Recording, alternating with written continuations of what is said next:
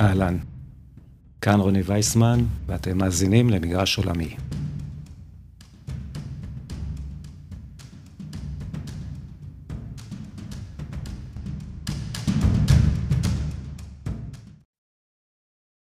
צפון קוריאה, הזיה גדולה יותר מהפנטזיות הדיסטופיות של משחקי הכס ו-1984 של ג'ורג' אורוול ביחד, עם שושלת מלוכה ללא מתחרים מבית, עם סיפורים על רציחת בני משפחה של השליט היחיד על ידי זריקתם לכלבים מורעבים או על ידי ירי באמצעות כלי נ"מ, עם סגירות מוחלטת כמעט של אזרחיה מהעולם החיצון, ועם נשק גרעיני מוכן לפעולה.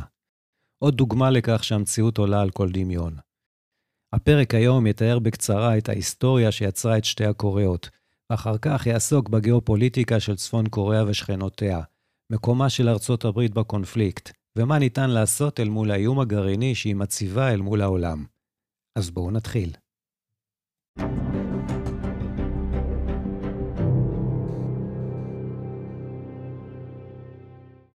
אוקיי, צפון קוריאה. מבחינה גיאוגרפית חולקות צפון קוריאה ודרום קוריאה חצי אי במזרח אסיה, הצמוד לסין בחלקו הצפוני. מצידו המזרחי של חצי האי נמצא ים יפן, מדרום לו ים מזרח סין, שם מפריד מיצר קוריאה בין חצי האי לבין יפן, ובצידו המערבי הים הצהוב. שטחו הכולל של חצי האי הוא כ-220 אלף קילומטר מרובע, כלומר בדיוק פי עשרה משטח מדינת ישראל ללא יהודה ושומרון. צפון קוריאה תופסת 120 אלף קילומטר מרובע, דרום קוריאה 100 אלף קילומטר מרובע. 70% משטחו של חצי האי הוא הררי, אך ללא ערים גבוהים, מלבד ארפה אקטו בצפון, שגובהו 2,744 מטר מעל הים, דומה להר החרמון שגובהו כ-2,800 מטר מעל הים. האקלים בצפון קוריאה יבש וקר, ובדרום חמים ולח. הבדלי הטמפרטורה בחורף בין הצפון לדרום יכולים להגיע ל-20 מעלות צלזיוס. כפי שאופייני לאזור הזה, לקראת החורף פוקדות את חצי האי סופות טייפון, ובקיץ סופות מונסון. אז יורדים גם עיקר הגשמים, רובם בדרום. עיקר הגבול היבשתי הצפוני של צפון קוריאה הוא בינה לבין סין. הוא עובר לאורך נהר יאלו בחלק המערבי שלו, הר פאקטו במרכז ונהר טומן בחלק המזרחי של הגבול. אורכו של הגבול עם סין הוא כ-1,400 קילומטר. במקטע האחרון של נהר טומן גובלת קוריאה הצפונית לאורך 17 קילומטר גם עם רוסיה, בחלק הקרוב יחסית לנמל ולדיווסטוק. יש מעבר גבול אחד בין צפון קוריאה לרוסיה, מעל גשר הנקרא גשר הידידות, עליו עוברות בעיקר רכבות. מהו הרקע ההיסטורי של שתי הקוריאות? מגרש עולמי איננו פודקאסט היסטורי, אבל בלי קצת רקע היסטורי אי אפשר. בעת העתיקה נשלט חצי האי הקוריאני על ידי ממלכות שונות, כאשר בתקופות מסוימות היה מפוצל בין שלוש ממלכות, ובתקופות אחרות היה מאוחד תחת ממלכה אחת. מהמאה השביעית עד לתחילת המאה העשירית, שלטה בכל חצי האי שושלת מלוכה אחת בשם שילה. תקופה זו נחשבת כעידן בו התגבשה התרבות הקוריאנית. הדת שהתפשטה בו אז הייתה דת הבודהיזם. את שושלת שילה החליפה שושלת גוריו, שאופיינה בהנחלת מערכת חוק ראשונית בכל רחבי הממלכה. אלא שבשנת 1231 הובסה הממלכה הקוריאנית על ידי מונגוליה, והפכה כפופה לה במשך כ-150 שנה, עד לנפילתה של מונגוליה. אז הפכה קוריאה שוב עצמאית, ונשלטה על ידי שושלת ג'וסון, עד תחילת המאה ה-20. בתקופה זו אומץ הקונפוציוניזם כפילוסופיה והדת הרשמיים בממלכה, ותחת השפעה זו קיבלה ההשכלה מקום של כבוד. במאה ה-18 זכתה קוריאה בכינוי הרמיט קינגדום, הממלכה המסתגרת, או ממלכת הנזירים, כיוון שניסתה לבודד את עצמה לאחר מאות שנים של ניסיונות לשלוט בה, לבזוז את משאביה, או סתם להשתמש בה כמעבר בין השטחים שמהווים היום את סין אל יפן וממנה, או אל האוקיינוס השקט. כך עשו בתקופות שונות המונגולים, שושלת מינג הסינית, המנצ'ורים והיפנים. משום כך העדיפה קוריאה להתנתק מן העולם, נתק שכלל אפילו מסחר. מן הסתם, על רקע היסטוריה זו, לא נראית ההתנתקות שנוהגת היום צפון קוריאה לעמה דבר בלתי טבעי. בכל אופן, ההסתגרות הזו עזרה לה באופן חלקי בלבד, ורק עד תחילת המאה ה-20. בשנת 1910 פלשו היפנים לקוריאה וכבשו את כולה. תקופת הכיבוש היפני הייתה תקופה של דיכוי ועריצות קשים ביותר. גברים קוריאנים רבים אולצו לעבוד בעבודות כפייה, ונשים קוריאניות אולצו לספק שירותי זנות ליפנים. היפנים אסרו שימוש בשפה הקוריאנית וכפו את דתם, דת השינטו, כדת הרשמית של קוריאה הכבושה. זכר תקופת הכיבוש היפני מאפיל על יחסי קוריאה הדרומית ויפן עד היום. למרות ששתיהן דמוקרטיות ובעלות ברית של ארצות הברית ומדינות אחרות במערב, הן טרם הגיעו להסכמה על שורה של נושאים, כאשר העיקרי שבהם הוא הפיצויים על אותה תקופה קשה. עוד סוגיה במחלוקת היא הריבונות על מספר איים. בין צפון קוריאה לבין יפן אין יחסים רשמיים כלל. הכיבוש היפני הסתיים רק בשנת 1945, כחלק מתבוסת יפן במלחמת העולם השנייה. אז אולצה יפן למסור את קוריאה לבעלות הברית. חלקה הצפוני של קוריאה נתפס על ידי צבא ברית המועצות, וכעבור זמן נכנס צבא ארצות הברית לדרומו של חצי האי. בוצעה חלוקה גיאוגרפית שרירותית ממזרח למערב על קו הרוחב 38, פשוט כי נראה היה על המפה שזה יוצר חלוקה לשני שטחים כמעט זהים בגודלם, ושתי המעצמות הסכימו שישלטו באזורים אלה של קוריאה תקופה זמנית בת שלוש שנים לצורך שיקומה. לאחריה תאוחד קוריאה. אך ההסכמה הזאת לא מומשה לעולם. בתמיכת שתי המעצמות, כל אחת בשטחה, הושפעה דרום קוריאה מהקפיטליזם וערכי הדמוקרטיה של אמריקה, ואילו צפון קוריאה הושפעה מהקומוניזם הסובייטי. כעבור זמן איבדו ארצות הברית וברית המועצות את הרצון לוותר על אזורי ההשפעה שרכשו באסיה פסיפיק. הסובייטים אמנם עזבו את צפון קוריאה בשנת 1948, אך השאירו מאחוריהם מדינה קומוניסטית חדשה תחת השפעתם. שמה הרשמי, הרפובליקה הדמוקרטית העממית של קוריאה. באותה שנה גם הוקמה מדינה פרו-מערבית בדרום קוריאה, שנקראה בשם דומה משהו לזה של אחותה מצפון, אך קצר יותר, רפובליקת קוריאה. בשנת 1949 עזבה גם ארצות הברית את חצי האי קוריאה, תוך שהיא משאירה בדרום קוריאה כמה עשרות אלפי חיילים. הסובייטים השאירו את צפון קוריאה בראשותו של קים איל סונג, שמונה על ידם כמושל עוד כשהיו נוכחים בה, ואשר נשאר מנהיגה העליון עד מותו בשנת 1994. קים זה היה יליד פיונג יאנג אשר בקוריאה, אך משפחתו ברחה מהכיבוש היפני לסין בשנת 1919, כאשר היה בן שבע. קים התחנך בסין, והיה לחבר המפלגה הקומוניסטית הסינית משנת 1931. הוא הצטרף לצבא האנטי-יפני של המפלגה, ולחם בשורותיה עד שנחלו תבוסה בידי צבא יפן בשנת 1941. אז נאלץ לברוח לברית המועצות. בברית המועצות צורף לכוחות גרילה קוריאניים שאומנו על ידי הצבא הסובייטי, ואף זכה לדרגת קפטן של הצבא האדום. כאשר נכנסו הסובייטים לצפון קוריאה, נתנו לו תפקיד של מושל זמני, וכאשר עזבו את קוריאה, הפכו אותו לראש הממשלה של המדינה החדשה שהוקמה בצפונה. קים איל סונג ניצל את כוחו והשפעתו במדינה הצעירה, שנולדה כדיקטטורה, כדי להישאר שליטה היחיד עד יום מותו, ואף להעביר את השלטון אל בנו. מן העבר השני עברה דרום קוריאה דרך חתחתים פוליטית. היא לא נולדה כדמוקרטיה ליברלית, אלא הייתה בתחילת דרכה מדינה אוטוקרטית תחת נשיא רב כוח. אחר כך חוותה הפיכה צבאית, בעקבותיה הייתה למעשה דיקטטורה במשך 18 שנה. רק בשנת 1987, בעקבות עוד מספר מהפכי שלטון ומהומות סטודנטים, הפכה דרום קוריאה לדמוקרטיה, תהליך שנמשך עם גיבושה של חוקה למדינה בשנת 1988, והמשיך עם תהליכי ליברליזציה, כמו חופש הבעת דעה והפרדת רשויות, עד להפיכתה לדמוקרטיה ליברלית החל משנת 2002 ועד היום. נחזור לצפון קוריאה ולשנת 1950.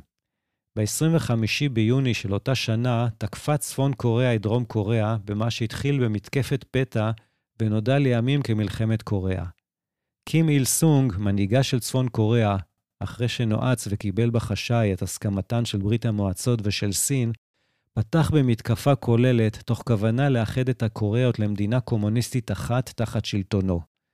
קים העריך, מה שהתגלה אחר כך כטעות, שארצות הברית, שזה עתה פינתה את רוב צבאה מדרום קוריאה, לא תחפוץ להחזיר אליה צבא ולהתערב. ההצלחה של צפון קוריאה בתחילה הייתה גדולה. צבאו של קים כבש את רובה של דרום קוריאה, כולל את בירתה סאול. אלא שנשיא ארצות הברית טרומן החליט לצאת להגנתה של דרום קוריאה. הוא גייס לשם כך את האו"ם, וכוח רב-לאומי שהורכב מ-16 מדינות, אבל היה ברובו אמריקאי, בראשותו של הגנרל דגלס מקארתור, נשלח לקוריאה. מלחמת קוריאה נמשכה בסופו של דבר כשלוש שנים עם מספר תהפוכות. הכוח האמריקאי הצליח במערכה הראשונה לאגף את צבא צפון קוריאה ולשחרר חלקים נרחבים של הדרום, כולל הבירה סאול. לאור ההצלחה, שכנע הגנרל מקארתור את שאר כוחות האו"ם ואת הנשיא טרומן שיש להמשיך ולכבוש את צפון קוריאה. הדבר הבהיל את סין, אשר חששה שהכוחות המערביים ימשיכו מעבר לצפון קוריאה ויפלשו לאחר כך לסין. לכן פתחה סין בהתקפת נגד עם מאות אלפי חיילים. התגובה הזו הצליחה, וכוחות האו"ם נסוגו דרך הים. אולם האמריקאים וכוחות האו"ם לא ויתרו, וכך נמשכה המלחמה עוד כשנתיים סביב קו הרוחב 38, אשר חוצה את הקוריאות ללא הכרעה, תוך כדי ניהול משאים ומתנים במשך אותה תקופה. ב-27 ביולי 1953 נחתם סוף סוף הסכם הפסקת אש בין הכוחות הלוחמים. באופן רשמי נשארו שתי המדינות הקוריאניות במצב מלחמה, אשר נמשך עד היום. כחלק מהסכם הפסקת האש הוגדר קו גבול אשר עובר על וסביב קו הרוחב 38, וכן אזור מפורז סביב קו זה, Demilitarized Zone, DMZ. אורכו של אזור מפורז זה הוא 242 קילומטר, ורוחבו כ-4 קילומטר. לאורכו משני צידיו ישנם בונקרים, עמדות צלפים, מוקשים וגדרות תיל גבוהות, אשר נועדו למנוע כל מעבר בין שני הצדדים. סביב האזור המפורז ישנם כשני מיליון חיילים של שני הצבאות יחדיו. בצד הדרומי יש גם כ-30 אלף חיילים אמריקאים. באמצע השטח המפורז הוקם אתר לניהול משאים ומתנים בין הדרום לצפון, אשר קיבל את השם אזור הביטחון המשותף. יש בו פס בטון המפריד בין הצפון לדרום, עם צריפי דיון שהשולחנות בהם חצויים בין החלק הצפוני לדרומי. משני אברי האזור הזה נעשות על ידי שני הצדדים פעולות של תעמולה אחד כנגד השני, באמצעות רמקולים רבי עוצמה ובאמצעות בלונים שמפזרים עלונים. מצד דרום קוריאה, מפריחי הבלונים האלה הם הרבה פעמים אזרחי צפון קוריאה לשעבר שהצליחו לערוק לדרום. אנקדוטה נחמדה היא שעקב כך שבאזור המפורז לא דרכה כף רגל אדם כבר כ-70 שנה, התפתח בו הטבע ללא הפרעה. אפשר למצוא שם מגוון גדול של בעלי חיים, עופות וצמחים, חלקם נדירים. ישנה כוונה להכריז על המקום כשמורת טבע מוגנת, ואפילו אתר מורשת עולמית של אונסקו.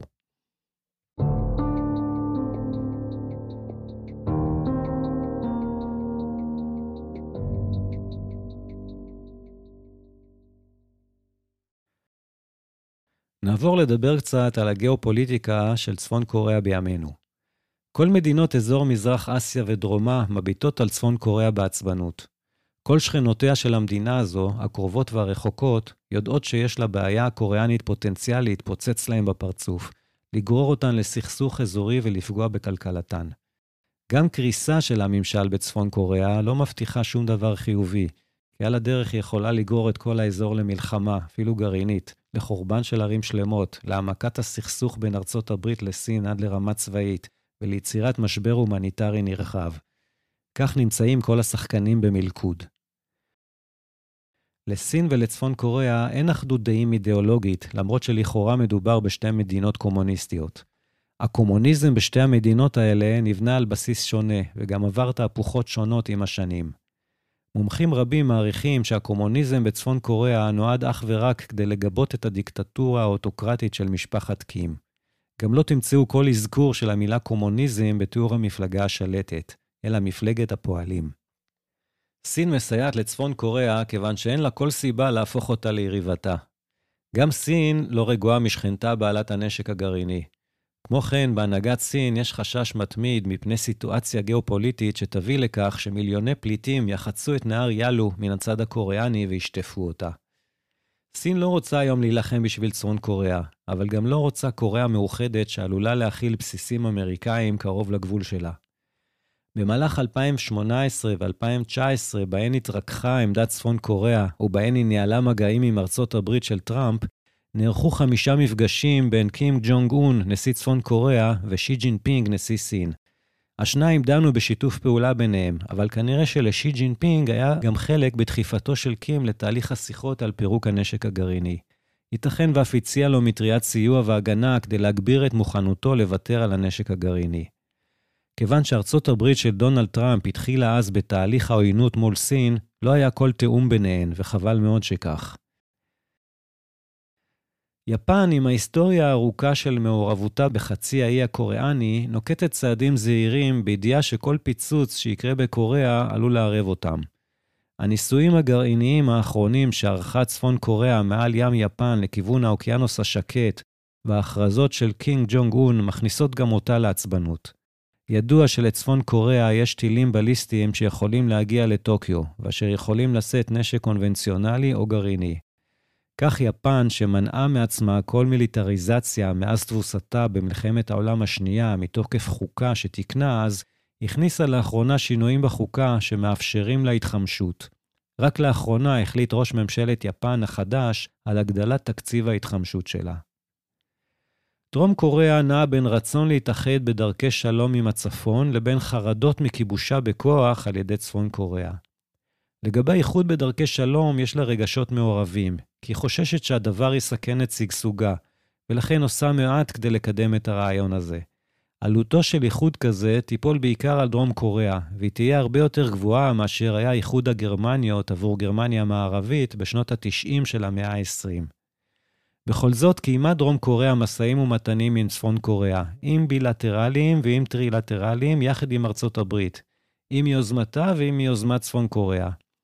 כך הייתה פסגת מנהיגי הקוריאות בשנת 2000, שהסתיימה בהצהרה הידועה כהצהרה המשותפת של ה-15 ביוני, על הרצון לאיחוד בין המדינות באופן עצמאי במבנה של קונפדרציה, על התרת ביקורים של בני משפחות שנקראו בין הדרום לצפון, על שיתוף פעולה כלכלי ועל המשך הדיאלוג. בתחום המדיני לא השתנה דבר בעקבות הפסגה הזאת. בשנת 2007 הייתה פסגה נוספת שבסיומה עוד הצהרה משותפת, שעיקריה היו אשרור ההצהרה של ה-15 ביוני, שבע שנים קודם לכן, לאיחוד ללא התערבות גורמים חיצוניים, כיבוד הדדי של מדיניות הפנים של שתי הקוריאות, הפסקת העוינות הצבאית, פעולה לקראת שלום בר קיימא במקום הפסקת אש וקיום קשרים כלכליים. בשנת 2018 נענתה דרום קוריאה לקריאתו של קינג ג'ונג און לפגישת פסגה בין מנהיגי הקוריאות, ואכן נערכו שלוש פגישות כאלה במהלך אותה שנה. בעקבותיהן יצאו שוב ושוב הצהרות על שיתוף פעולה לקראת הפסקת מצב המלחמה בין שתי הקוריאות, ועל חתירה לרתימת הקהילה הבינלאומית לפירוק הנשק הגרעיני על חצי האי הקוריאני.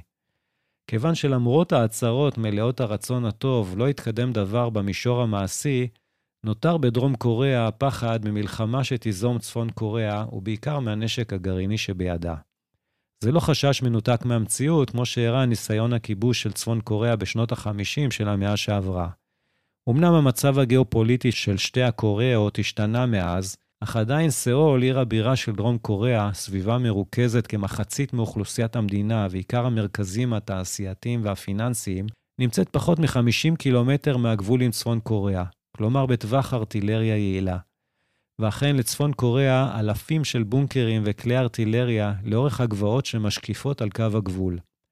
השטח בין הגבעות לבין הגבול הוא ברובו מישורי, כך שמתקפת פתע של צבא צפון קוריאה, אפילו אם תתגלה על ידי לוויינים של המערב, תוכל להגיע לבירת דרום קוריאה בתוך שעות, זאת בעזרה נוספת של מנהרות תת-קרקעיות שחפרה מתחת לגבול. וכל זאת בלי להתייחס עדיין ליכולת המוכרזת של צפון קוריאה בתחום הנשק הגרעיני הטקטי, כלומר זה שלא בהכרח מיועד להשמיד ערים שלמות, אך יכול לזרוע הרס רב ובהלה גדולה, ואשר מיועד ליירות מכלים לטווח קצר עד בינוני. בעקבות זאת גוברים הקולות בדרום קוריאה בעד הצטיידותה אף היא בנשק גרעיני, כדי להשוות את מאזן האימה אל מול צפון קוריאה. כבר כיום יש לדרום קוריאה צבא וצי צבאי מהגדולים בעולם, למעשה השישי בגודלו בעולם, אך אין לה נשק גרעיני. בינתיים, מדיניות הביטחון שלה היא לשים את עיקר יהבה על הגנה אמריקאית, ודאי בתחום ההרתעה הגרעינית. אולם גוברים הקולות בקרבה שאין לסמוך על ארצות הברית, כיוון שנשיא בדלני עלול להיבחר בה שוב, ואו שהנשק הגרעיני שבידי צפון קוריאה עלול להרתיע את ארצות הברית מלתקוף את צפון קוריאה, אפילו בנשק קונבנציונלי, במידה ותתקוף את דרום קוריאה. הדוגמה של אוקראינה כמובן עומדת לפני עיניהם. ארצות הברית לא רוצה להילחם למען דרום קוריאה או יפן, אבל יש לה אינטרסים, אם מסחריים ואם הגנתיים, באוקיינוס השקט עד ים סין ויפן, ולכן עושה מאמצים במשך שנים, בדרך כלל לא מוצלחים, לפירוקה של צפון קוריאה מהנשק הגרעיני, או להרתיע אותה מאפשרות של תוקפנות מצידה. גם הטענות של צפון קוריאה שיש בידיה טילים בליסטיים שיכולים להגיע עד ארצות הברית, לבטח שלא משאירים את ממשלי ארצות הברית אדישים. אבל ארצות הברית לא מעוניינת להציב כלי נשק גרעינים טקטיים על אדמת דרום קוריאה, וגם לא שדרום קוריאה תהפוך למדינה גרעינית בעצמה. אמריקה ממשיכה להציב כמעט 30 אלף חיילים בדרום קוריאה כמסר הרגעה עבורה. על המאמצים הדיפלומטיים שעשתה ארצות הברית לפירוקה של צפון קוריאה מנשק גרעיני, אפרט בהמשך.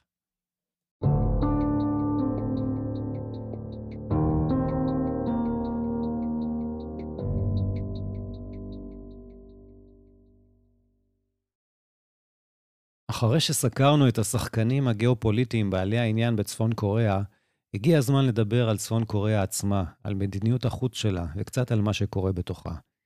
הנהגת צפון קוריאה מצידה משחקת את התפקיד של מדינה שהיא אנדרדוג, הנמצאת בסכנת פלישה מצד מדינות אויבות, אך עם זאת בעלת כוח ומוטרפת עד בלתי צפויה בתגובותיה התוקפניות, זאת כדי לייצר הרתעה. מדיניות החוץ שלה מבוססת על חשדנות כנגד כל מדינה שהיא, מלבד סין, אם כי גם על סין היא לא סומכת ב-100%.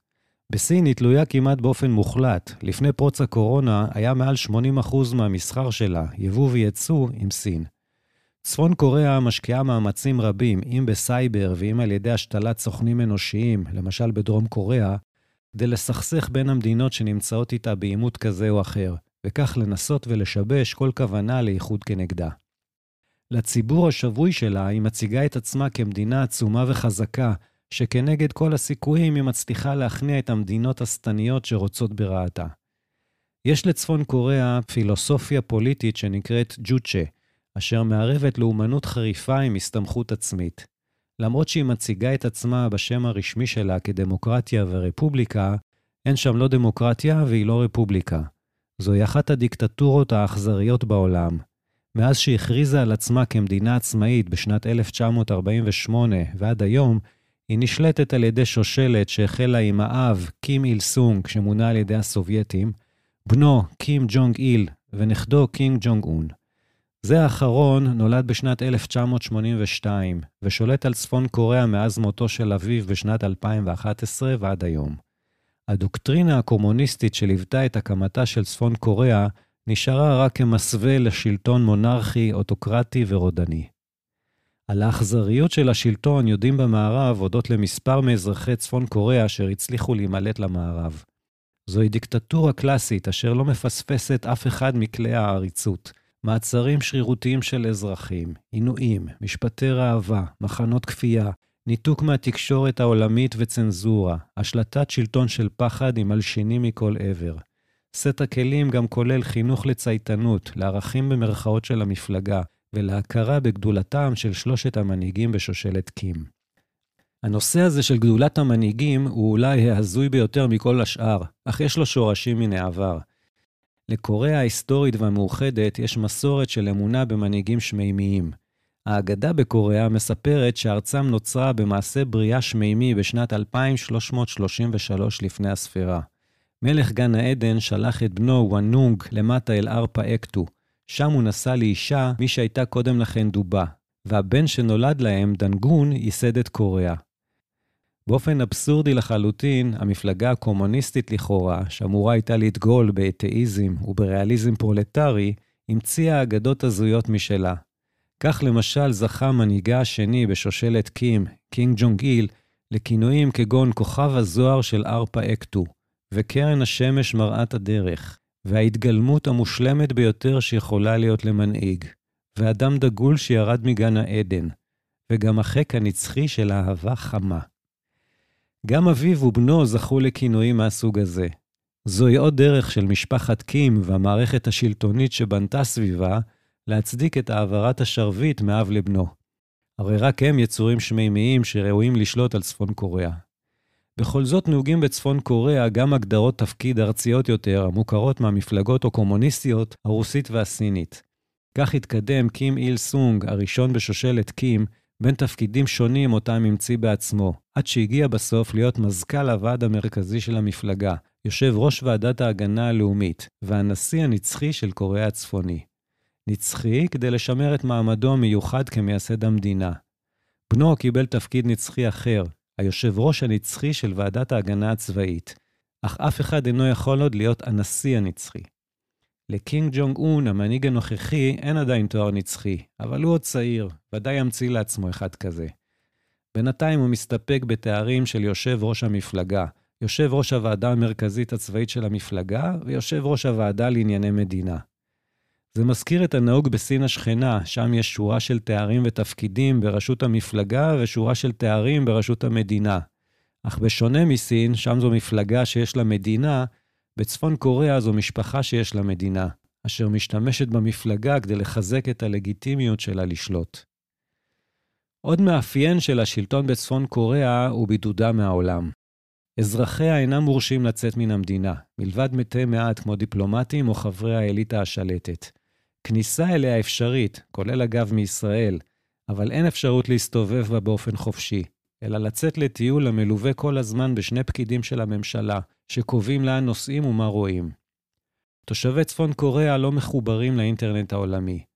כתוצאה מכך ידוע מעט מאוד על המתרחש בתוך המדינה הזאת, ורוב תושביה לא יודעים כמעט כלום על המתרחש בעולם, מלבד מה שמשודר בשופרות התקשורת של צפון קוריאה, שכמובן זורעת הרבה פייק ניוז ותעמולה. אין אפשרות לדעת מה באמת חושבים אזרחי המדינה הזאת על ממשלתם, אפשר רק לנחש. הסביר ביותר הוא שרוב האוכלוסייה, בהשפעת האינדוקטרינציה של הממשלה והבידוד מהעולם, מקבלת את המידע איתו שוטפים לה את המוח כאמת. סביר שחלק לא מבוטל של האוכלוסייה אכן מעריץ את קינג ג'ונג און ומשפחתו. אין ספק שכולם מודעים גם לסכנות של סטייה מן העיקרים של קים והמפלגה השלטת, וכולם נזהרים שלא להיחשב בוגדים. אבל כמו בכל חברה, ישנה גם בצפון קוריאה שכבה אינטליגנטית שלא משלימה בליבה עם המצב, שיודעת שהמצב בו הם חיים איננו טבעי, אך אי אפשר לדעת מה גודל הקבוצה הזאת. פועל יוצא של בידודה של קוריאה הצפונית ושל שלטונה הריכוזי הוא עוני גדול. של האוכלוסייה, לא של ההנהגה. הנהגת צפון קוריאה דואגת להכנסות שוטפות שמממנות את המשפחה השלטת, את המפלגה ואת אנשי שלומם, בין השאר מפעילות בלתי חוקית. פעילויות בלתי חוקיות אלה כוללות את ייצור הסם, קריסטל מת וייצואו, תוכנות כופר, ייצוא נשק וטכנולוגיה גרעינית, זיוף דולרים אמריקאים, ייצוא פועלים בתנאי עבדות לסין, רוסיה, אפריקה והמזרח התיכון. לדוגמה, פועלים מצפון קוריאה השתתפו בהקמת אצטדיוני גביע העולם בכדורגל בקטר, שעומד להסתיים בימים אלה. בכל מקום בו יש פועלים כאלה, הם מלווים במנהלי עבודה מטעם המשטר, אשר דואגים שלא ייצרו קשרים אסורים עם אנשים במדינה המעבידה אותם, אך גם דואגים לכך שיהיו כוח עבודה אטרקטיבי למעסיקים שלהם. למשל, שמעו לא פעם מנהלי עבודה כאלה מתגאים במספר השעות הגדול ביממה שעובדים הפועלים שלהם, ועל כך שהם מקבלים רק יומיים חופשה בשנה.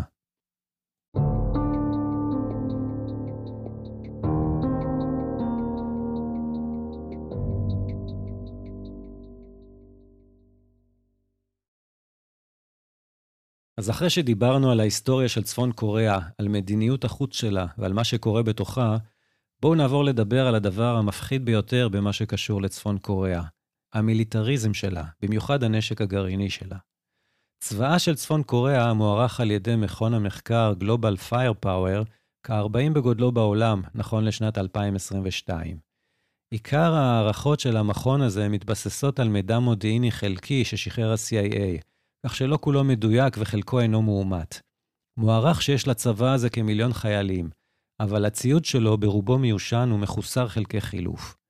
יש לקוריאה גם בעיה של מחסור בדלק לסוגיו. אבל הבעיה העיקרית עם צפון קוריאה היא הנשק הגרעיני שברשותה. החשש שתפעיל אותו ראשונה במעשה של תוקפנות כלפי דרום קוריאה ו/או מדינות אחרות, כולל ארצות הברית, והעובדה שעצם קיומו עלולה למנוע אפשרות של עימות צבאי קונבנציונלי עימה. כיום ידוע שצפון קוריאה התחילה את תוכנית הנשק הגרעיני שלה בשנות ה-80 של המאה שעברה, על בסיס הידע שצברה כאשר הקימה כורים להפקת חשמל בעזרת רוסיה הסובייטית. אמנם בשנת 1985 היא חתמה על האמנה למניעת הפצת נשק גרעיני, אבל לאחר מספר שנים בהן סירבה לכניסתם של פקחי הרשות הבינלאומית לאנרגיה אטומית, היא פרשה מן האמנה ב-1993. בשנת 2002 הודתה פקיסטן שהיא סיפקה טכנולוגיה גרעינית לצפון קוריאה בשנות ה-90. אותה שנה הודו גורמים רשמיים של צפון קוריאה לראשונה שהיא מפתחת נשק גרעיני. באוקטובר 2006 ביצעה צפון קוריאה את הניסוי הראשון שלה של פצצת אטום. היא הודיעה על כך בגלוי, והיו לכך אישושים כי זוהה פיצוץ תת-קרקעי וכן שרידים רדיואקטיביים. על פי הערכות, זו הייתה פצצה בעוצמה פחותה מקילוטון TNT אחד. לצורך הייחוס, הפצצה שהוטלה על ידי ארצות הברית על הירושימה בסיום מלחמת העולם השנייה, הייתה בעוצמה של כ-15 קילוטון. אגב, מי שמתעניינים לדעת עוד על נשק גרעיני באופן כללי, כולל ההיסטוריה של השימוש בו, מוזמנות ומוזמנים להאזין לחלקו הראשון של פרק 13 של מגרש עולמי, שכותרתו על נשק גרעיני והאם רוסיה תפעיל אותו באוקראינה. בשנת 2007 חזרה ואישרה ממשלת צפון קוריאה שיש לה נשק גרעיני. באפריל 2009 הודיעה הוועדה לאנרגיה אטומית של האו"ם שצפון קוריאה צריכה להיחשב כמדינה בעלת נשק גרעיני. במאי אותה שנה, 2009, ביצעה צפון קוריאה את הניסוי השני שלה, כאשר הפיצוץ הוערך הפעם שהיה בעוצמה שבין 2 ל-7 קילוטון. התוכנית הגרעינית של צפון קוריאה תפסה תאוצה בתקופתו של קינג ג'ונג און, המנהיג הנוכחי, אשר עלה כזכור לשלטון עם מותו של אביו בסוף שנת 2011. בפברואר 2013 ערכה צפון קוריאה את הניסוי השלישי שלה. גם הפעם היה זה ניסוי תת-קרקעי אשר הוערך להיות בעוצמה של בין 10 ל-15 קילוטון. לאחר מכן ערכה צפון קוריאה עוד שני ניסויים בשנת 2016, האחד בינואר, השני בספטמבר. בשנת 2017 התקדמה צפון קוריאה עוד צעד משמעותי, אמנם על פי הצהרותיה בלבד, כאשר סיימה את פיתוחה של פצצת המימן הראשונה שלה, זו המוגדרת הרבה יותר הרסנית מפצצת אטום. מכונים סייסמולוגיים במקומות שונים בעולם דיווחו על הפיצוץ התת-קרקעי הזה, כאשר ההערכות על עוצמתו נעו בין 50 קילוטון לכמה מאות של קילוטון, כך שמאוד אפשרי שאכן יש בידיה של צפון קוריאה פצצת מימן. צפון קוריאה גם ערכה במקביל ניסויים בטילים בליסטיים בין-יבשתיים, כאלה שיכולים להגיע עד ארצות הברית, שוב לדבריה. כך ביקש קינג ג'ונג און להשלים את המשימה של הרתעת ארצות הברית מלתקוף את צפון קוריאה. מבחינת מצבת הנשק הגרעיני שבידי צפון קוריאה, ההערכות הן שיש לה לפחות 50 ראשי נפץ גרעיניים מהסוג שניתן להרכיב על טילים, ושיכולת הייצור שלה היא של 6 עד 10 ראשי קרב נוספים בכל שנה. מבחינת טכנולוגיה של טילים בליסטיים, ההערכות הן שיש לה מאות טילים לטווחים שונים. במשך השנים היא ערכה עשרות ניסויים בטילים כאלה, כולל טילים בין-יבשתיים, כאשר האחרון בהם נערך בחודש שעבר. הבעיה עם הנשק הגרעיני והטילים של צפון קוריאה לא תחומה רק לחצי האי הקוריאני. ידוע שצפון קוריאה היא יצואנית של טכנולוגיה גרעינית ושל טילים בליסטיים. היא סיפקה טכנולוגיות וטילים שלמים למדינות רבות, חלקן נמנות על אויבות ישראל. כך יצאה טכנולוגיה למצרים, טילים ועוד לאיראן, לפקיסטן, לסוריה, לאיחוד האמירויות ולתימן. בתקופתו של מועמר קדאפי היא יצאה טכנולוגיות נשק ללוב. כיום נחשדת צפון קוריאה גם כמסייעת באספקת נשק או רכיבים לנשק לרוסיה הנלחמת באוקראינה. נוסף על הנשק הגרעיני, לא בוחלת צפון קוריאה גם בכלי נשק אחרים להשמדה המונית. יש ברשותה סוגים שונים של נשק כימי וביולוגי.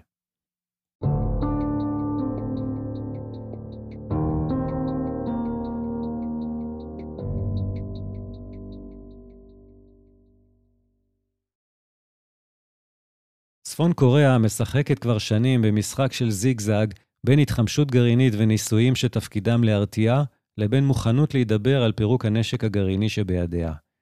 בשנת 1992 היא התחייבה לפירוק הנשק הגרעיני במסגרת ההכרזה המשותפת לפירוק הנשק הגרעיני של חצי האי הקוריאני, שנחתמה עם דרום קוריאה, ואשר באה להבטיח שגם דרום קוריאה לא תיכנס למרוץ חימוש גרעיני. אולם בפועל לא נקטה צפון קוריאה כל מהלכים מעשיים לפירוק נשק כלשהו. ארצות הברית מצידה ניסתה לנקוט עם השנים אסטרטגיות שונות אל מול האיום הצפון-קוריאני. בשנת 1994 הסכימה ארצות הברית לספק לצפון קוריאה שני כורים של מים קלים להפקת חשמל, בתמורה לפירוק הנשק שלה. אלא שהקונגרס, שנשלט על ידי המפלגה הרפובליקנית בתקופתו של קלינטון, מנע את קיום ההסכם ואף הטיל סנקציות חדשות על צפון קוריאה. בשנת 2002 הכריז הנשיא הרפובליקני ג'ורג' בוש הבן שצפון קוריאה היא חלק ממה שהוא קרא ציר הרשע, יחד עם איראן ועיראק. עיצומים הוטלו אז על צפון קוריאה.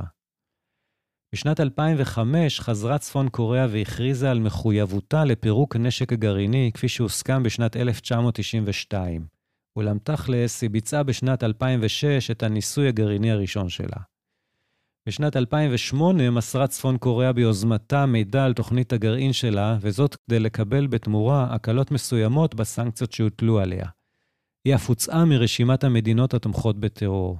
אך בפועל, צפון קוריאה לא התירה לפקחים כלשהם לבדוק את הנשק שברשותה. ברק אובמה, שנבחר כנשיא ארצות הברית בשנת 2009, החליט לנקוט עמדה של סבלנות אסטרטגית אל מול צפון קוריאה. לא מנסים להידבר איתה, אבל מגבירים את הסנקציות כנגדה ומבצעים עוד תמרונים צבאיים עם דרום קוריאה, כל פעם שצפון קוריאה מבצעת פרובוקציה. בתגובה הגבירה צפון קוריאה את הניסויים הגרעיניים שלה. כך נמשך המעגל ההדדי של חוסר אמון ואסקלציה של הפרובוקציות וצעדי ההתחמשות. בפברואר 2012 הודיעה צפון קוריאה שהיא תפסיק את העשרת האורניום ושלא תערוך עוד ניסויים גרעיניים וניסויים בטילים ארוכי טווח. נערך הסכם עם ארצות הברית, במסגרתו הסכימה צפון קוריאה שפקחים של הרשות לאנרגיה אטומית יפקחו על המתקן הראשי שלה ביונגביון. אמריקה הכריזה שאין לה כוונות עוינות כנגד צפון קוריאה, והסכימה להעביר לה סיוע הומניטרי ומזון. אלא שבאפריל אותה שנה ערכה צפון קוריאה ניסוי בטילים ארוכי טווח בניגוד להסכם, וארצות הברית הפסיקה את הסיוע. בשנת 2017 נבחר כזכור דונלד טראמפ לנשיאות ארצות הברית. לטראמפ הייתה מטרה אחת עליונה כאשר התמנה לנשיא, להפוך את כל מה שעשה ברק אובמה לפניו ולנקוט בעמדה נגדית לשלו, לא משנה אם יש בה היגיון או לא. כך גם בנושא של צפון קוריאה, הוא החליט לנקוט עמדה נוקשה יותר כלפי צפון קוריאה וגם לשדר מוכנות להידברות. כאשר תודרך על הניסוי המוצלח שערכה צפון קוריאה בטילים בליסטיים בין-יבשתיים, הגיב בסגנונו הילדותי ששידר בהלה ואמר, כל התקפה צפון קוריאנית תיענה באש, זעם ובכוח כזה שהעולם עוד טרם חווה. לא ממש התבטאות אופיינית למנהיג של מעצמה בטוחה בעצמה. אבל בהזדמנות אחרת שמעו אותו אומר שהוא מוכן לאכול המבורגר עם קים. בקיצור, טראמפ, חכם הוא לא, בטח לא משחק אסטרטגי. במסגרת שבירת כל ההסכמות שהיו לארצות הברית עם כל מדינה וכל ארגון בינלאומי כמעט, הוא שבר את הכלים גם עם השותפות האסטרטגיות של ארצות הברית בים יפן, והכריז שדרום קוריאה ויפן צריכות להתחיל לדאוג לעצמן במקום להסתמך על הגנת ארצות הברית. מזל שלא לקחו אותו יותר מדי ברצינות, אחרת היו לנו כבר היום יפן ודרום קוריאה גרעיניות גם כן. בכל מקרה, קים ג'ונג און אהב את הגישה הזאת של טראמפ, ובאתר אינטרנט הידוע כאוהד של צפון קוריאה, פרסמו מאמר בו תיארו את טראמפ פוליטיקאי חכם. במקביל, בדרום קוריאה נבחר באותה שנה, 2017, פוליטיקאי מתון בשם מון ג'יי אין לנשיא, אשר הבטיח בקמפיין שלו להחזיר את המדיניות החותרת לידידות עם צפון קוריאה, מדיניות החוץ הידועה בשם מדיניות אור השמש. על פי מדיניות זו, יש לחתור להפחתת המתחים הצבאיים עם הצפון באמצעות מגעים בילטרליים ומולטילטרליים וסיוע כלכלי לצפון. המצדדים בה טוענים שהעמדה הקשוחה של ארצות הברית היא זו שגורמת להקצנת העמדות של צפון קוריאה. בכל מקרה, מה שקרה בשנת 2018 הוא שההצלחות של צפון קוריאה בתחום ההתעצמות הגרעינית והבליסטית תרמו לביטחון העצמי של קים ג'ונג און והביאו אותו לנקוט בעמדה של המבוגר האחראי. באפריל 2018, על פי הצעתו, נערכה פגישת פסגה בינו לבין נשיא דרום קוריאה, מון ג'יי אין. בעקבות השיחות האלה שיגר קים הזמנה באמצעות המשלחת הדרום-קוריאנית לנשיא ארצות הברית להיפגש עמו. ממשלו של טראמפ נענה לאתגר, ונשלחו משלחות הדדיות מקדימות כדי להכין את הפסגה הזאת. אלא שבינתיים ערכה ארצות הברית תמרונים צבאיים בשיתוף דרום קוריאה, מה שכמעט גרם לביטול הפסגה. נראה היה שממשל טראמפ עושה הכל כדי שהפגישה לא תצא לפועל. גם טראמפ וגם סגנו, מייק פנס, התבטאו בפומבי שאם קים ג'ונג און לא יבצע דיל עם ארצות הברית, כלשונם, גורלו יהיה כגורל נשיא לוב, מועמר קדאפי. בתגובה, אמר סגן שר החוץ של צפון קוריאה שההתבטאות של מייק פנס הינה חסרת הבנה ומטופשת, והזהיר מפני עימות גרעיני. התגובה של טראמפ לא איחרה לבוא, הוא פשוט ביטל את הפסגה עם מנהיג צפון קוריאה על ידי מכתב ששלח לו, הפעם בסגנון גיל ההתבגרות, כשהוא כותב לו משהו בנוסח אה, שלנו גדול יותר. הביטול הזה הכניס להלם את נשיא דרום קוריאה, מון, שמאוד רצה שהפגישה הזאת בין מנהיגי צפון קוריאה וארצות הברית תתקיים. שוב נקטה דווקא צפון קוריאה בעמדת המבוגר האחראי. סגן שר החוץ הצפון קוריאני הביע בפומבי את מוכנותה של צפון קוריאה לשבת פנים אל פנים עם ארצות הברית כדי לפתור כל סוגיה בכל זמן ובכל צורה, ושהיא פתוחה לתת זמן והזדמנות לארצות הברית לטובת שלום ויציבות בעולם ובחצי האי הקוריאני. טראמפ נעתר להושטת היד הזאת והכריז שהפגישה בינו לבין קים יכולה להתקיים. בסופו של דבר, אכן נערכה הפגישה ההיסטורית הזאת בין נשיא אמריקאי מכהן לבין מנהיג צפון קוריאה ב-12 ביוני 2018 בסינגפור.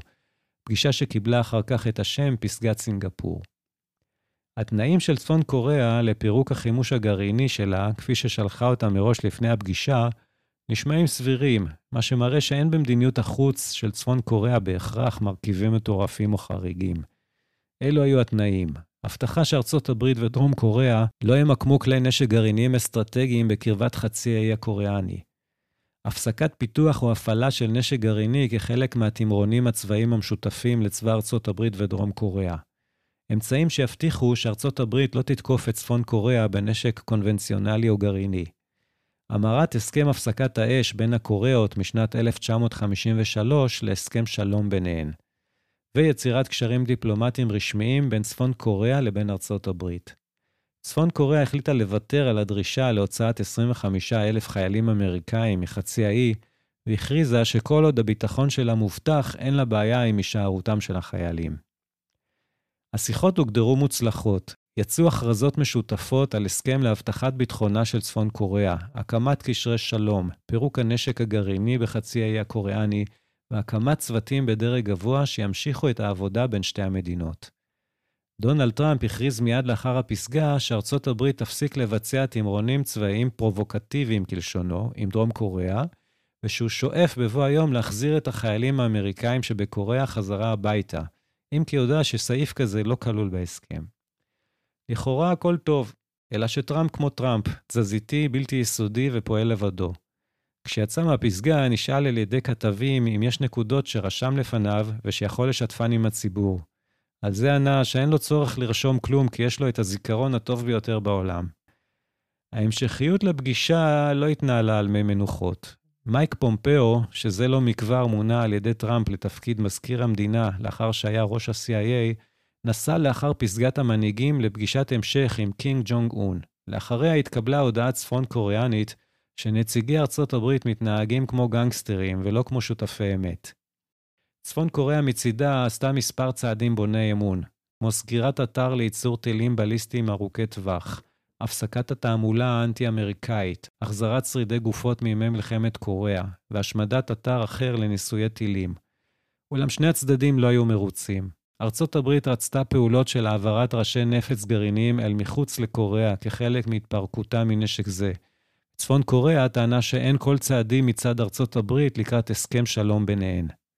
בכל זאת נקבעה פגישת פסגה שנייה בין דונלד טראמפ לבין קים ג'ונג און, אשר אכן נערכה ב-27 וב-28 בפברואר 2019, הפעם בהנוי, בירת וייטנאם, ולכן קיבלה את השם פסגת הנוי.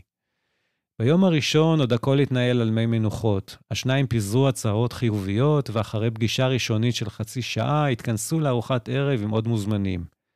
אלא שביום השני, לאחר פגישה סגורה בין השניים, בוטל טקס חתימה על הסכם משותף שהיה אמור להיערך אחריה. מזכירת העיתונות של הבית הלבן הודיעה על הפסקת הפסגה באופן מפתיע. חודש לאחר הפסגה פרסם רויטרס ידיעה, על פיה ביום השני הזה של המפגש, העביר טראמפ לקים ג'ונג און איגרת הקוראת לצפון קוריאה באופן בוטה למסור מיידית את כל הנשק והדלק הגרעינים שבידה, באופן דומה למודל הלובי, הצעה שנדחתה במקום על ידי קים. מאוחר יותר אותה שנה, כאשר טראמפ פיטר את היועץ שלו לביטחון לאומי, ג'ון בולטון, הוא האשים את בולטון כעומד מאחורי העצה הזאת להשתמש במודל הלובי. ייתכן, בולטון היה מיליטנט ואחד הפוליטיקאים הניציים ביותר במפלגה הרפובליקנית, אך זה לא מסיר אחריות מטראמפ. על פי גרסתו של טראמפ, אותה מסר לעיתונות מיד אחרי הפגישה, הפסגה בוטלה בגלל שצפון קוריאה התעקשה על ביטולן של כל 11 הסנקציות שהוטלו עליה לפני שתתחיל בפירוק הנשק הגרעיני שבידה. לאחר הפרסום הזה, כינסה צפון קוריאה מסיבת עיתונאים משלה, ובה מסרו את גרסתם. לטענתם, הם ביקשו את ביטולן של חמש מתוך 11 הסנקציות בשלב הראשון, ובתמורה היו מוכנים לפרק את מתקן הגרעין הראשי שלהם ביונגיון באופן שלם ולצמיתות, תחת פיקוח מומחים אמריקאים. חדשות NBC הביאו מאוחר יותר ציטוט מפיו של מדען הגרעין, דוקטור זיגפריד הקר, שאמר, יונג ביון היא הלב של תוכנית הגרעין של צפון קוריאה, ואם מפרקים את מתקן הגרעין שבה, צפון קוריאה לא תוכל לעולם לייצר בו עוד פלוטוניום. מומחים רבים, כולל בארצות הברית, טענו שדרישת טראמפ לפירוק בבת אחת של כל הנשק הגרעיני, ללא שלבים, כתנאי להסרת כל סנקציה שהיא, הייתה בלתי מציאותית. כעבור זמן, שלח קים לטראמפ מכתב בו הציע להמשיך בכל זאת את השיחות. טראמפ ענה לו במכתב חיובי, ואכן נקבעה פסגה שלישית בין המנהיגים, אשר התקיימה הפעם באזור המפורז שבין הקוריאות, ב-30 ביוני אותה שנה, 2019. הפעם השתתף בחלק מהמפגש גם נשיא דרום קוריאה, מון ג'ה-אין. מצד ארצות הברית השתתפו גם בתו של טראמפ, איבנקה, ובעלה ג'ארד קושנר, מיודענו, אשר היו מוגדרים יועציו של הנשיא. במפגש שהיה אמור להיות אחד על אחד בין טראמפ וקים, השתתפה גם איבנקה טראמפ. בעקבות המפגש הודיעו ארצות הברית וצפון קוריאה על חידוש שיחות הגרעין ברמת קבוצות עבודה. בארצות הברית שחטו הפוליטיקאים, כולל ג'ו ביידן, את טראמפ באופן הציני ביותר, בהאשימם אותו במתן לגיטימציה לצפון קוריאה גרעינית, בכך שביקר בשטחה כביכול. בסין, שי ג'ינפינג עודד את המשך השיחות והתהליך, רק קרא לבצע אותו בצעדים מדודים שיבטיחו את הצלחתו. מפגשי עבודה בין ארצות הברית לצפון קוריאה התקיימו עוד באוקטובר אותה שנה, בשוודיה, אבל לא הניבו כל תוצאה. לאיטו גווע לו התהליך הזה, תוך כדי התגברות חוסר האמון והחשדות ההדדיים. אי אפשר לדעת בוודאות מלאה את הסיבות לכישלון המגעים בין צפון קוריאה לארצות הברית בתקופת דונלד טראמפ. האם היה זה קים שמלכתחילה לא היה מעוניין באמת להתפרק מהנשק הגרעיני, או שהיה זה דונלד טראמפ שלא הרים מממשלו תוכנית רצינית בעלת שלבים להתקדמות הדדית ואשר כללה את דרום קוריאה בתהליך. ייתכן ותוך כדי התהליך הבין קים ג'ונג און שאין לו שותף מספיק נחוש מהצד השני, ואולי גם הבין שהוא מסתכן יותר מדי, כי גם אם ייחתם הסכם עם ממשלו של טראמפ, עלול לבוא נשיא אחר שיהפוך את ההסכם על פיו. צריך לזכור שהפגישה הראשונה בין המנהיגים הייתה חודש בלבד אחרי שטראמפ הכריז על פרישת ארצות הברית מהסכם הגרעין עם איראן, כך שזה לא היה דמיוני לתאר תסריט בו ארצות הברית חוזרת בה מהסכמים עם צפון קוריאה. מה שוודאי, על פי רוב העיתונאים והמומחים שעקבו אחר המגעים, הוא שהייתה פה התנהלות כושלת של ממשלו של טראמפ, וללא ספק אובדן של הזדמנות. בכל מקרה, העובדות הן שההסכם בין טראמפ לקים עלה על סרטון.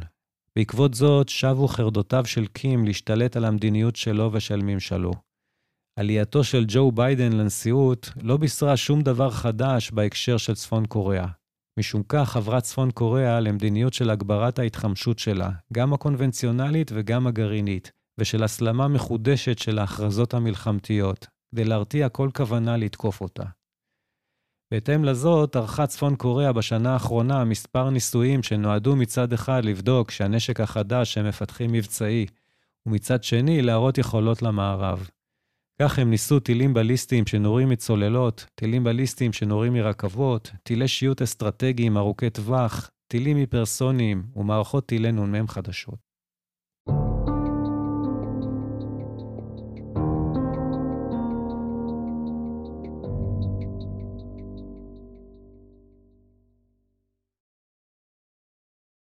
אז מה הפתרון למדינה הזויה שיש לה נשק גרעיני ושמאיימת אחת לבקרים להשתמש בו?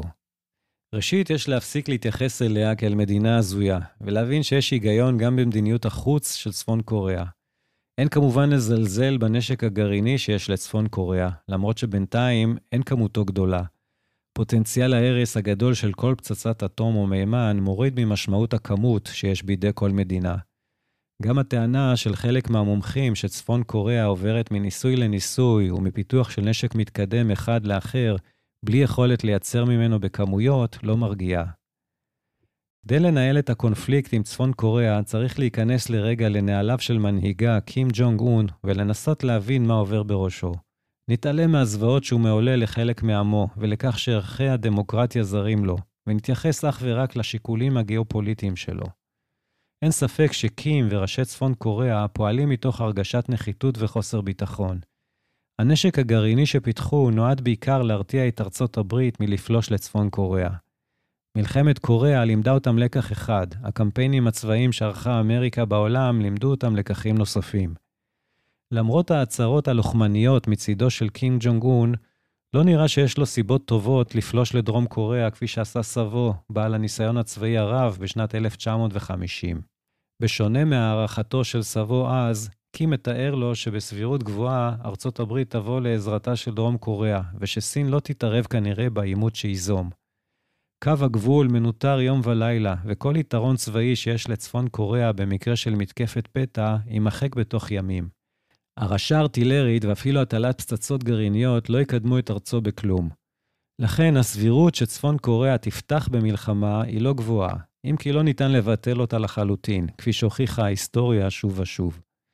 אבל הסביר ביותר הוא שקינג ג'ונג און, יותר מאשר מתכנן התקפה על דרום קוריאה, יפן או ארצות הברית, פוחד מהתקפה כנגד צפון קוריאה בכלל, ועליו ועל משפחתו בפרט. זו הסיבה גם שעל פי המדיניות החדשה של הפתיחה באש גרעינית שהוגדרה השנה בצפון קוריאה, ניתן להפעיל נשק גרעיני בתגובה לכל מתקפה על צפון קוריאה או מי ממנהיגיה. קים רוצה שבמערב ידעו שאם ינסו להתנקש בחייו, תהיה תגובה גרעינית, אם יצליחו ואם לא. בדרך זו הוא מקווה למנוע מראש ניסיונות מהסוג הזה. כל היוזמות של הנהגת צפון קוריאה, אלו שהתחילו בתקופת קים ג'ונג איל ונמשכו ביתר שאת בתקופת קים ג'ונג און, המנהיג הנוכחי, לא נועדו להטעות את המערב, וסביר שהייתה בהם כוונה אמיתית להסכים לפירוק הנשק הגרעיני. אך רק בתנאי שיהיו הסדרי ביטחון יציבים לאורך זמן, שיבטיחו גם את ביטחונה של צפון קוריאה וגם את ביטחונם האישי של בני משפחת קים. כנראה שמה שהכשיל פעם אחר פעם את היוזמות האלה, הייתה התחושה בצפון קוריאה שהחלק של הבטחת ביטחונה של צפון קוריאה הוא חסר. אף נשיא אמריקאי לא השכיל להבין זאת, וחלקם אף הגדילו והחריפו את המצב עם הכרזות שואפות לקרב וניסיונות להכתיב לצפון קוריאה פירוק נשק ללא תנאי. ממשל ארצות הברית צריך להשתחרר מהחרדות מהכרזותיו של קים ג'ונג און, להשתחרר מהדחייה שיש למנהיגיו לנהל משא ומתן עם משטרים בלתי דמוקרטיים ואפילו דיקטטורות, להפסיק את העימות המתעצם עם סין וליצור את הסביבה שתביא להרגעתו של קים ג'ונג און כדי להגיע להסכמות בנושא הגרעין. נשק גרעיני בידי צפון קוריאה הוא לא רק פצצה מתקתקת שם, שעלולה להשמיד חלקים של העולם, אפילו רק בגלל טעות אנוש כלשהי, אלא גם משמעותה הפצת הנשק הזה לעוד ידיים בעייתיות. הדרך הנכונה היא לא לוותר על חתירה לפשרה, לשיקום יחסים דיפלומטיים ולהסכמי הגבלת נשק גרעיני עם צפון קוריאה. פה יש לארצות הברית, יחד עם סין, תפקיד חשוב ביותר, וזוהי עוד סיבה לכך שארצות הברית חייבת לשאוף קודם כל ליחסים טובים עם סין. הלקח החשוב ביותר מכישלון המגעים בין ארצות הברית לצפון קוריאה בתקופת טראמפ, היא שיש לעשות זאת כחלק מתהליך מולטילטרלי הכולל את ארצות הברית, סין, צפון קוריאה ודרום קוריאה לכל הפחות.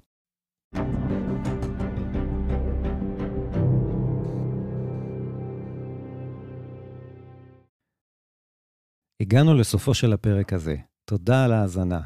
מזכיר שוב שבימים אלה, סוף דצמבר 2022, נערכת תחרות פודקאסט השנה של אתר גיק טיים.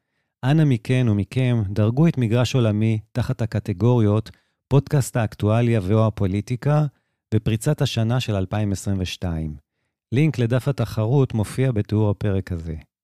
מי שמעוניינת או מעוניין לקרוא את התמליל המלא של כל הפרקים של מגרש עולמי ששודרו עד היום, מוזמן להיכנס לאתר האינטרנט של מגרש עולמי, worldplayfield.com. לינק תוכלו למצוא בתיאור של הפודקאסט. אם תעקבו אחרי עמוד הטוויטר של מגרש עולמי, תוכלו לקבל עדכונים לגבי פרקים חדשים, וכן לקרוא ציוצים רלוונטיים לנושאים בהם אני עוסק בפודקאסט ובנושאים גלובליים מעניינים. יש כעת גם קבוצת פייסבוק של מגרש עולמי, זוהי קבוצה פתוחה. אם אתם או אתן מעוניינות להצטרף, חפשו מגרש עולמי, מקף הקבוצה. להתראות בפרק הבא. thank you